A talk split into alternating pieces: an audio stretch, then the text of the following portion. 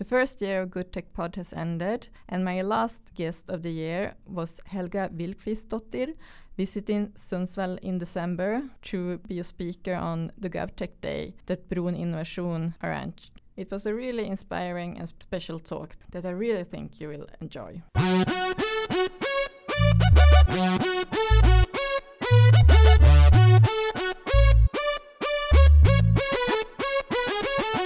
Helga used to work as a politician, and based on her experience in politics, she decided to start a career in entrepreneurship to improve mental health among young people.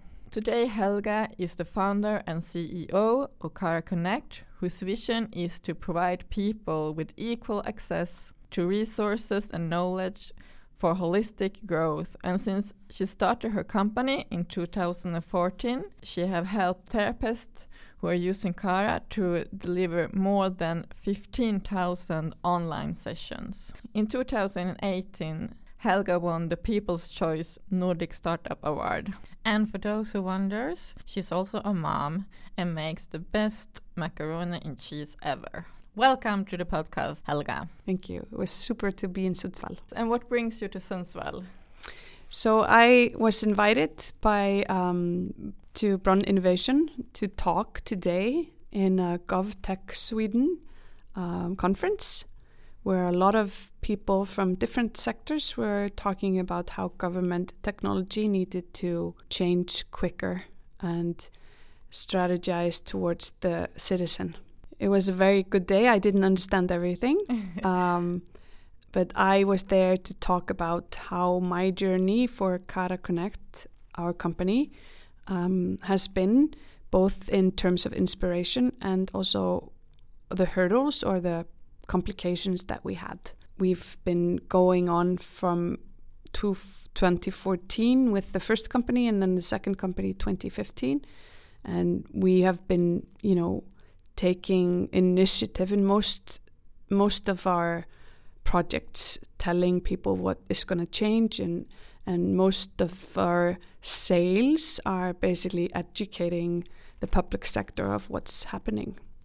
So is it your first time in Sundsvall, or this is actually my second time in Sundsvall? Oh, really? Um, I met um, Peyman Vahedi, who is. Uh, oh, he's he's been a guest in my podcast. Oh actually. yes, he's yeah. a brilliant guy.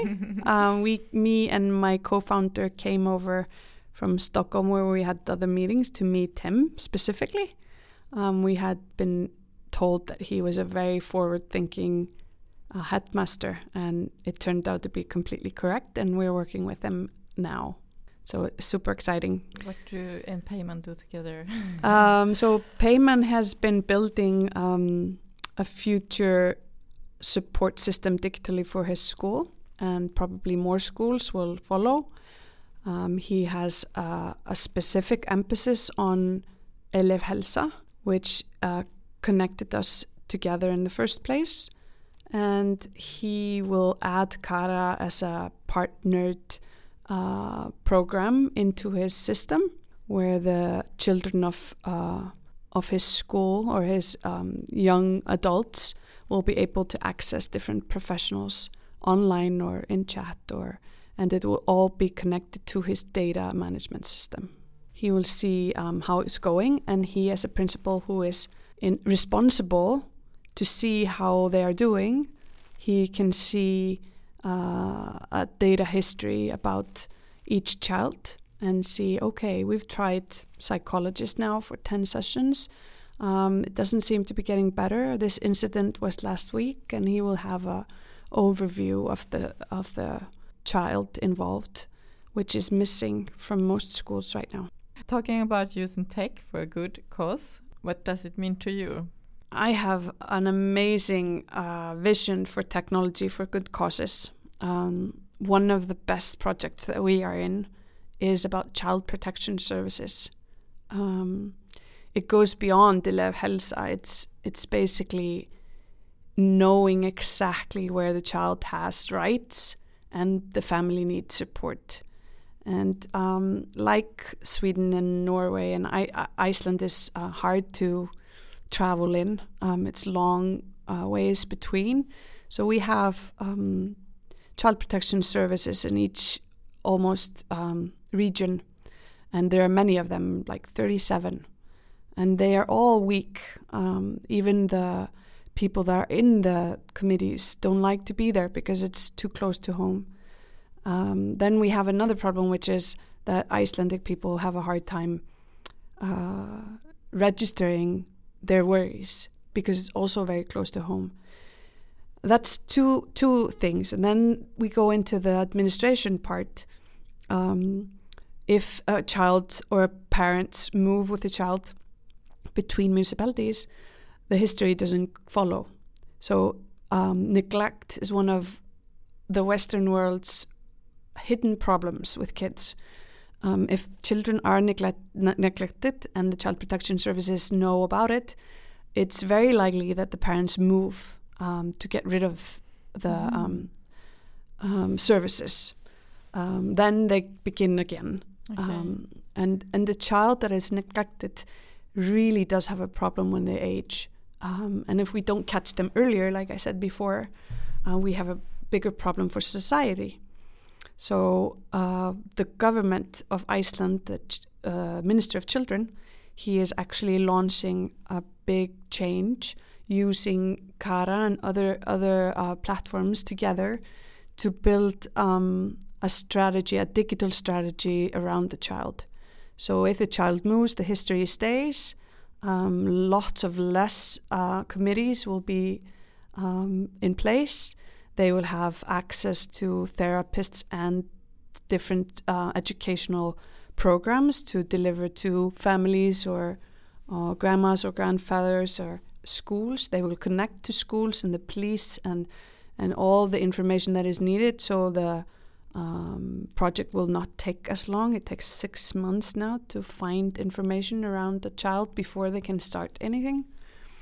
So, so it's focused on neglected kids. Um, we have a pretty good system in place if there's abuse, but the neglected kids are a little bit uh, falling between the cracks, like we say. Oh, really? And so this is something I'm really proud of being a part of, and I'm proud of this minister because he uh, um, he is really uh, has a strong vision around children, and he will need to change 14 laws to be able to um, digitalize this process. And that's an, a major feat, which I hope he uh, will get credit for as a minister. It's it's a very good cause, and digitalization should be used for this. Um, should be used to increase accessibility for people that have uh, lower income or background, different backgrounds, or those that are sick. I think every government should put that first in digitalization. Yeah. Not just tax uh, applications or authorities. Just you know, focus focus on helping people. Really good tech.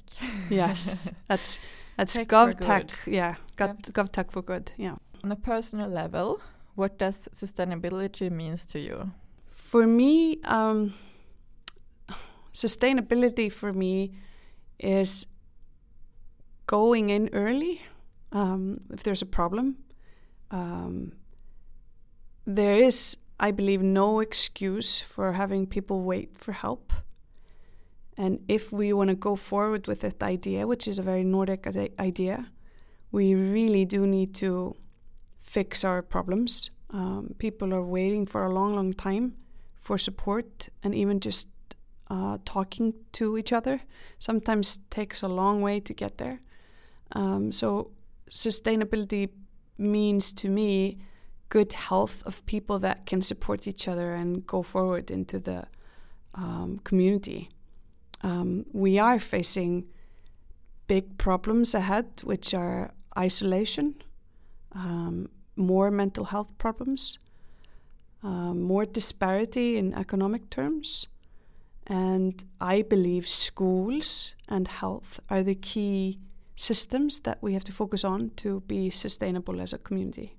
So that's a really good example of a Czech who contribute to sustainability because this is this po podcast is about how how tech and digitalization can contrib contribute to a, a, more sustainable society. And I think it, this is quite a good example, mm. actually. And also where you, you work with mental health, which is also a society problem today. Yes, and, and, and because of my background, um, there is ch it's, it's challenging to think in a big way like this, to think about uh, connectivity between the government and the systems that are supporting the government or people. Um, it's a challenge, but it's a social impact minded theory that we do need to connect um, people that actually have the resources or the support knowledge to the public system, especially in the Nordics, that we um, pride ourselves of giving access to all these different people that help or support families. Um, but it will need a lot of digital change to be able to do this well. That yes, you are doing. Mm -hmm. So, uh, can you explain what what is uh, how can can you explain your your business and what you are doing? So, if if I would be a professional cognitive psychologist, for example, I would uh, look at my company, Kara Connect, um, and take you know pay for using it for month by month and get a link from us that actually takes over your booking, your waiting list, your team management, your calendar, and your GDPR consent, uh, the secure video call, secure chat, um, overview of your client, like I said before, and so on. So you know, SMS reminders. So basically, we are taking each 15 minutes of their work day and trying to fit it in digitally so they can have everything come together. So, uh, for example, uh, meeting somebody at your office um, uh, takes, you have to get a payment, you have to write notes, and you have to pile up a file on the person, and you have to send them an invoice and you have to send it to your accountant. Uh, but this all can be connected now digitally into one movement, basically in, inside a computer. So the the basic goal is to increase the hours that the, each professional has to meet with people. So get away with all the administration things, uh, be accessible by more people, uh, irrespective of location. Be able to scale your company, maybe a higher similar background therapists with different languages and so on and so on. And the ideas are popping up, um, very interesting ideas from different people that are, uh, have a vision of changing their business and then they can use the tool to grow. Having a background in politics and doing the transition to becoming an entrepreneur, what skills would you say that you have taken with you from politics to entrepreneurship? Good question. I think I'm unafraid of meeting people. Um, I'm unafraid of uh, being criticized. And I'm very clear minded where I'm going. And I'm not bothered with um, somebody saying that they don't believe it. Um, I think politics teach you uh, a bit too late in politics, but they do teach you that you really have to be focused um, if you talk about a lot of things as a politician, you will never succeed with anything. And it's completely the same in business. And even in business, you need to be even more strategized in your focus. Um, and that probably is still, um, if you would meet my team, they would probably still say I am a little bit too much of a politician because I have a big vision. um, but I tried to keep true to the idea.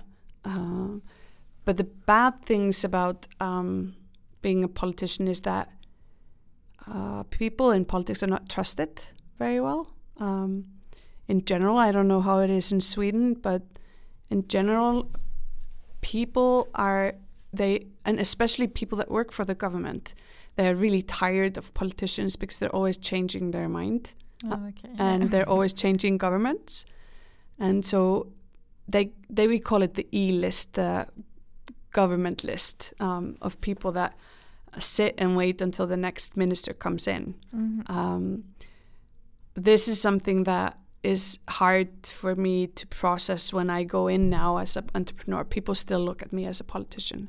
Okay. So sometimes it mixes up. And in Iceland, it's a small place, so yeah, everybody knows everyone. And um, but I'm very stubborn, so I just sit there and wait for them to decide. Yeah. What have been some of your biggest learning on that journey? Um, I think, first of all, I thought I worked a lot as a politician, but this is a lot of work being an entrepreneur. Um, what also changes is that, is that all of a sudden you are kind of pulling your family, either like I'm moving my whole family to Copenhagen. It's a big step. It's really a change but I can't deal with flying anymore. It just really uh, is not nice for anyone. All these transitional steps, it's more personal, I guess, the steps that are harder than business wise. Um, I love waking up. The work is amazing. I love seeing something genuinely new go and, and happen with technology. Um, and our team is super cool and everybody's north star is in the right place. Uh, but it's more personal the hard it's harder. It was hard as a politician to be always in evening meetings and and um, meeting people that was telling you you had the wrong idea about things.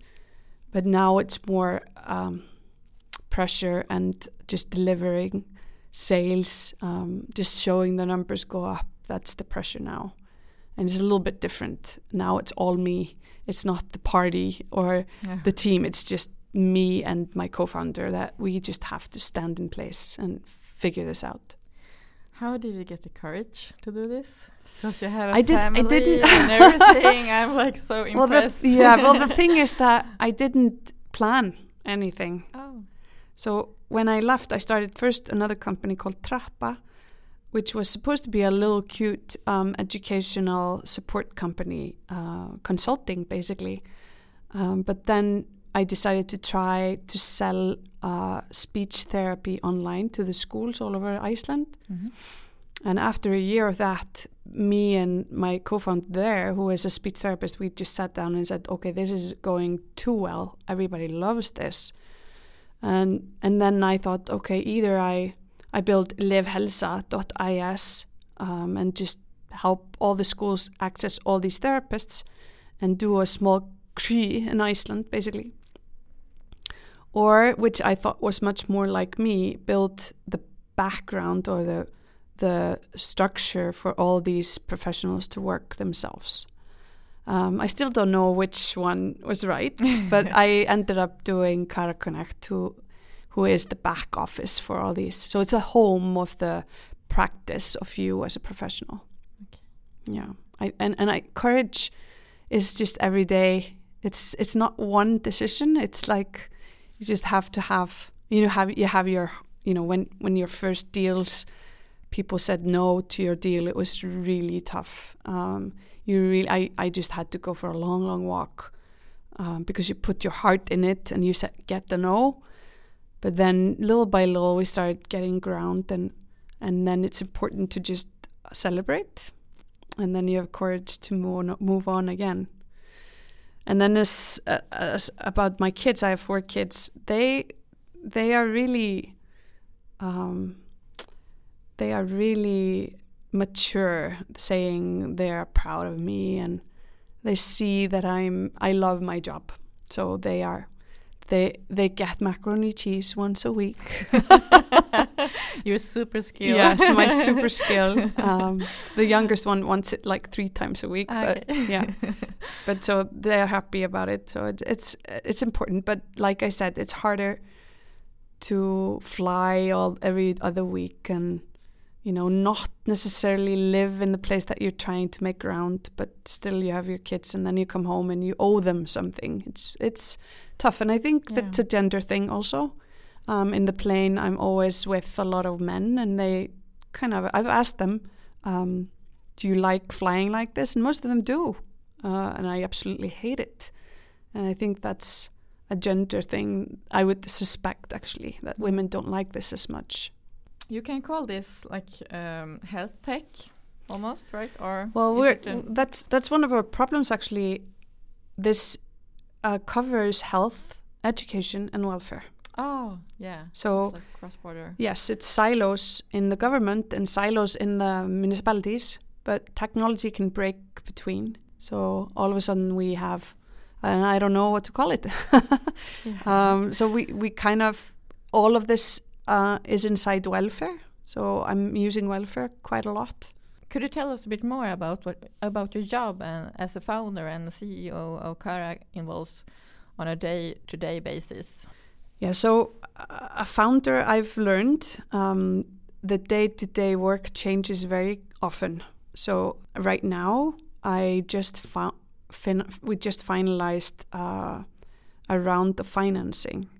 So until we finished that, I was 50% of my time was talking to the investors, doing the due diligence, and doing the paperwork, and the other time is sa- sales.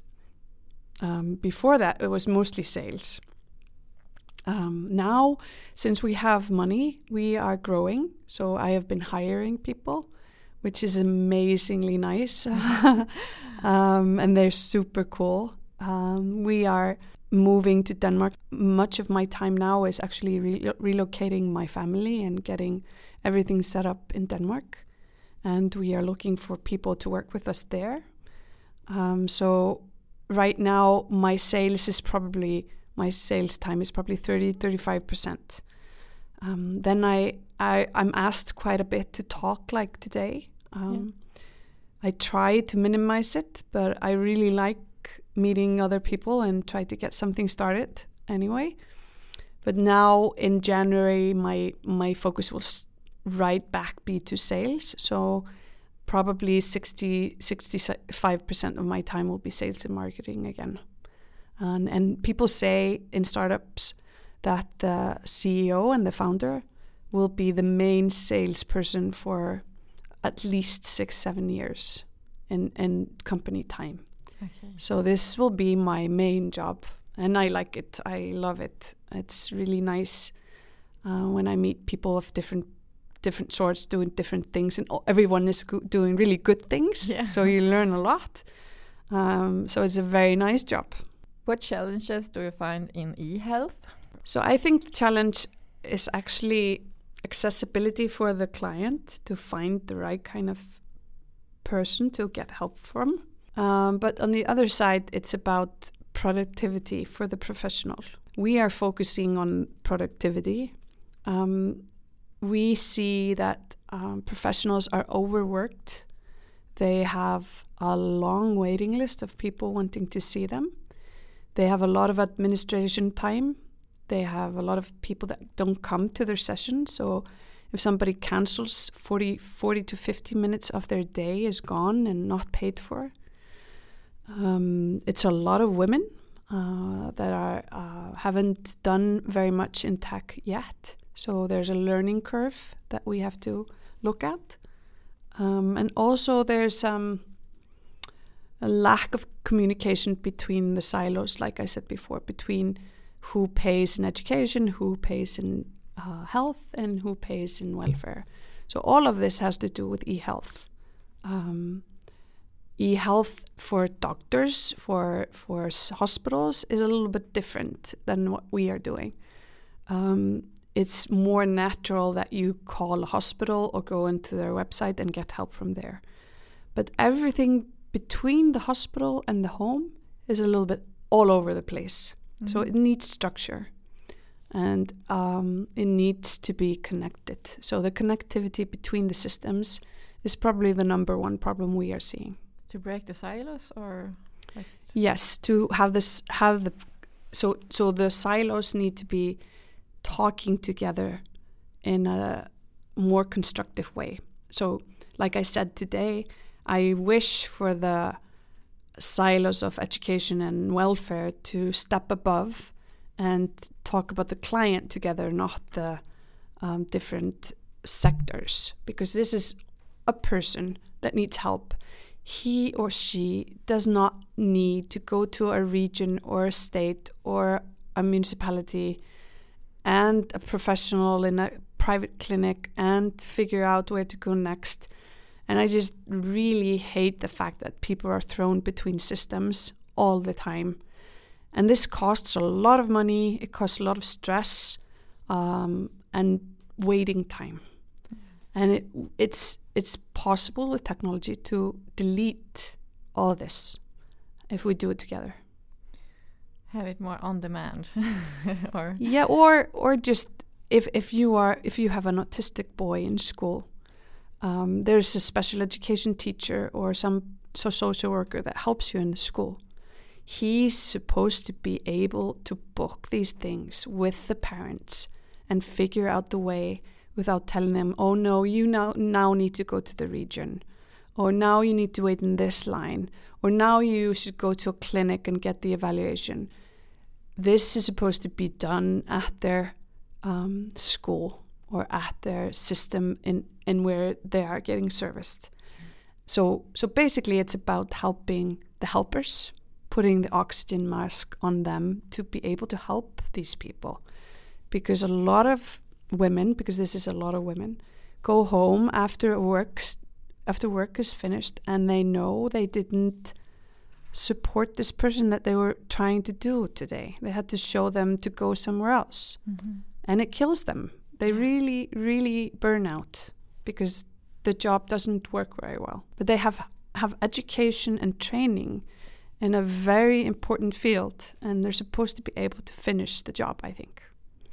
So spe- the special education, my idea would be that they get a behavioral therapist online. They can help them in school in daytime, and the parents can get an update in the school.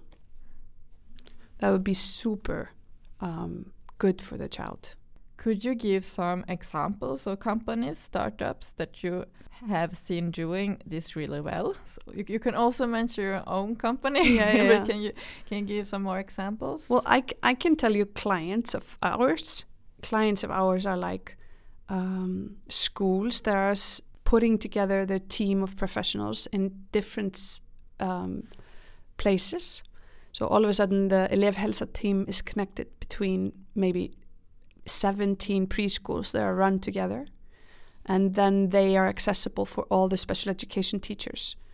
Um, so all of a sudden, you have a bigger team to access and they can help the children or they can help the professionals in the other schools.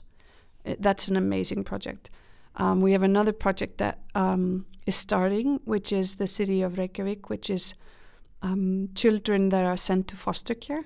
They're supposed to talk to a social worker every month um, to talk about how they're feeling and how everything is going. And they are usually sent away from the city, so there's a long drive between. And research actually shows that the children are really happy with doing online because it's more private and more often. Then we have alcohol behandling system in Iceland that is doing really cool um, projects with us. Um, so they have accessibility to their um, consultants, and they also can give them with a tool we have um, projects in between the sessions. So they have a video to watch or a questionnaire to answer so all this goes in one flow. We have, um, of course, psychology clinics. That's very uh, more uh, general. We have um, nutritionists that are meeting people online. Uh, people that have way too much weight on and are too afraid to show up in a clinic. Um, so stigmatization is actually a much bigger problem than I expected when we started. Um, also for so I'm I'm 47. I'm 47. Uh, so women my age do not want to go into a clinic with alcohol problems. So research is showing that this is a great way to get them in. And I think that's another factor for sustainability that the computer seems to open up an access to people that don't come in into a regular help setting. Um, and even you know people that are isolated might be able to gain trust with somebody. Um, and then there's another one that I love, which is um, an NGO. Um, so social, so everybody uh, uh, gives their gives their time, but they're all in Kara Connect as a team. So kids that have mental problems can talk to different people with different Mhm. backgrounds, like musicians or um, electricians, or you know, c- they can just find somebody that they like, and they give hours every week to talk to kids. Sometimes that's just enough for people to get help. Yeah, in an easy way Yeah, also. yeah, And to use resources in the systems. exactly. You know, grow the village. Uh, what do you think we can expect happening in the next couple of years when we look at e-health? I think mainly we're going to see a lot of data. Um, we're going to see um, data from watches and lightweight wearables uh, come out, which will spark, um, I think, a lot of ideas of how to collect data.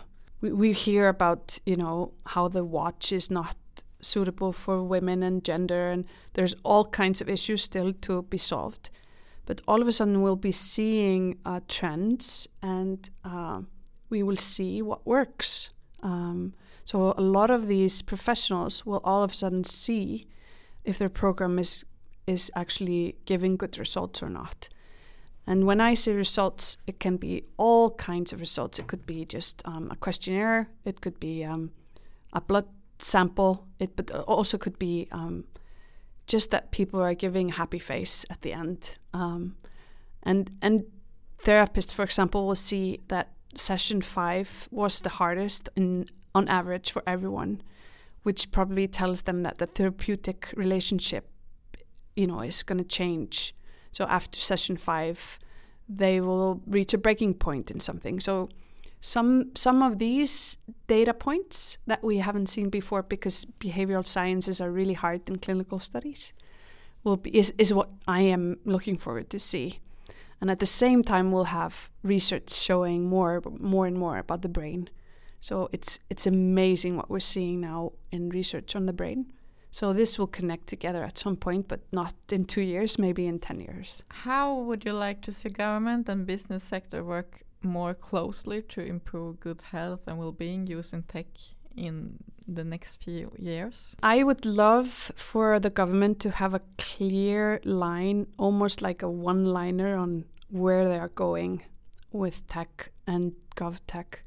Um, it will attract um, a specific kind of entrepreneur projects, and they should all be social impact minded. Um, I think uh, you really need to sort out who is coming in to change the way government works versus who is coming in to um, get more consultancy fees. Um, it's hard to do, but I think governments should open their doors at all levels, not just in schools or in um, elderly homes, just all levels. Also, where they are looking at data for costs, also where they're looking at human resources. All these um, doors should be open, and there should be a person there that seeds through who is knocking on the door and takes takes almost all meetings that they get because even though they say no, um, the idea has been introduced and it will help in general. So listening to the startups is number one accepting them is really important. But if they don't have the resources, the government, and the time, or they're just not interested, please say no to the startups. Don't keep them com- coming and coming and coming. Um, it's very important for startups to get projects going. Um, don't tell them we will look at it better, we'll meet again, we'll meet back next year, because this kills them. So that's one of the biggest mistakes I did was waiting for them to decide something that they already had decided that they were not going to do. Mm-hmm. Um, so, you know, I'm telling the entrepreneurs that are listening, ask for an answer and ask them to answer you yes or no um, without being too pushy, of course. You want the deal. But for the other ones, please don't, you know, have them wait so long. It's really expensive for everyone. What would you see as the biggest challenges when it comes to health and well-being? And which one do you think are the most important one to act on? I'm I go to sleep worrying about isolations. I, isolation. I think a lot of people. Um, I think we're seeing, especially in the developed world, people disconnected from friends and family because of technology. So here we have technology that can save people and help, but on the other side, it's damaging. So we need to work straight on to the problem, even though we're using technology to it. But we really need to be supportive of people that are isolated. Um, I just get the chills of these stories that people are found dead in their apartment and they've been there for for weeks sometimes. Um, no one been missing them. No one has called, um, and it's not possible for a commune or municipality to fix this alone. It's impossible. We can't just hire more social workers. It has to be a community thing. Um, this is what I'm. I think is a very big problem coming ahead. Um, I think digital solutions will change a lot of things, um, but this is a problem within digital solutions, uh, which is really scary, I have to say. Yeah. Even though you can talk to somebody on the other side of the world, you still feel isolated. It's something that to do with our brain. Do you think uh, do you think tech can be used to solve many of these problems and challenges we are facing today, and uh, in the future to promote health, healthy life and well-being among people? Yes, I of course I think so. I think I think we are trying to do that. Yeah. Um, I think also government can do a lot to help people with technology. Um, I think I think like I said before with a volunteer, I think we can grow uh, support systems and get things more accessible to people that have problems. Absolutely.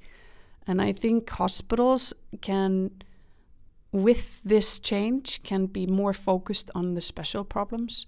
So we can have a community effort for a lot of things, but the hospitals can be more specialized. so that will help us grow bigger, uh, fancier hospitals, uh, but use technology to um, have support system all over the countries um, even in the most rural places, um, which I think should be um, habitable. I think we should be keep going with having small communities all over the place. I believe in giving people a chance to live where they want to live and and grow their homes again, not have to move into the cities. So, if we would look into the futures, ten years from now, yeah, where we, where will we be?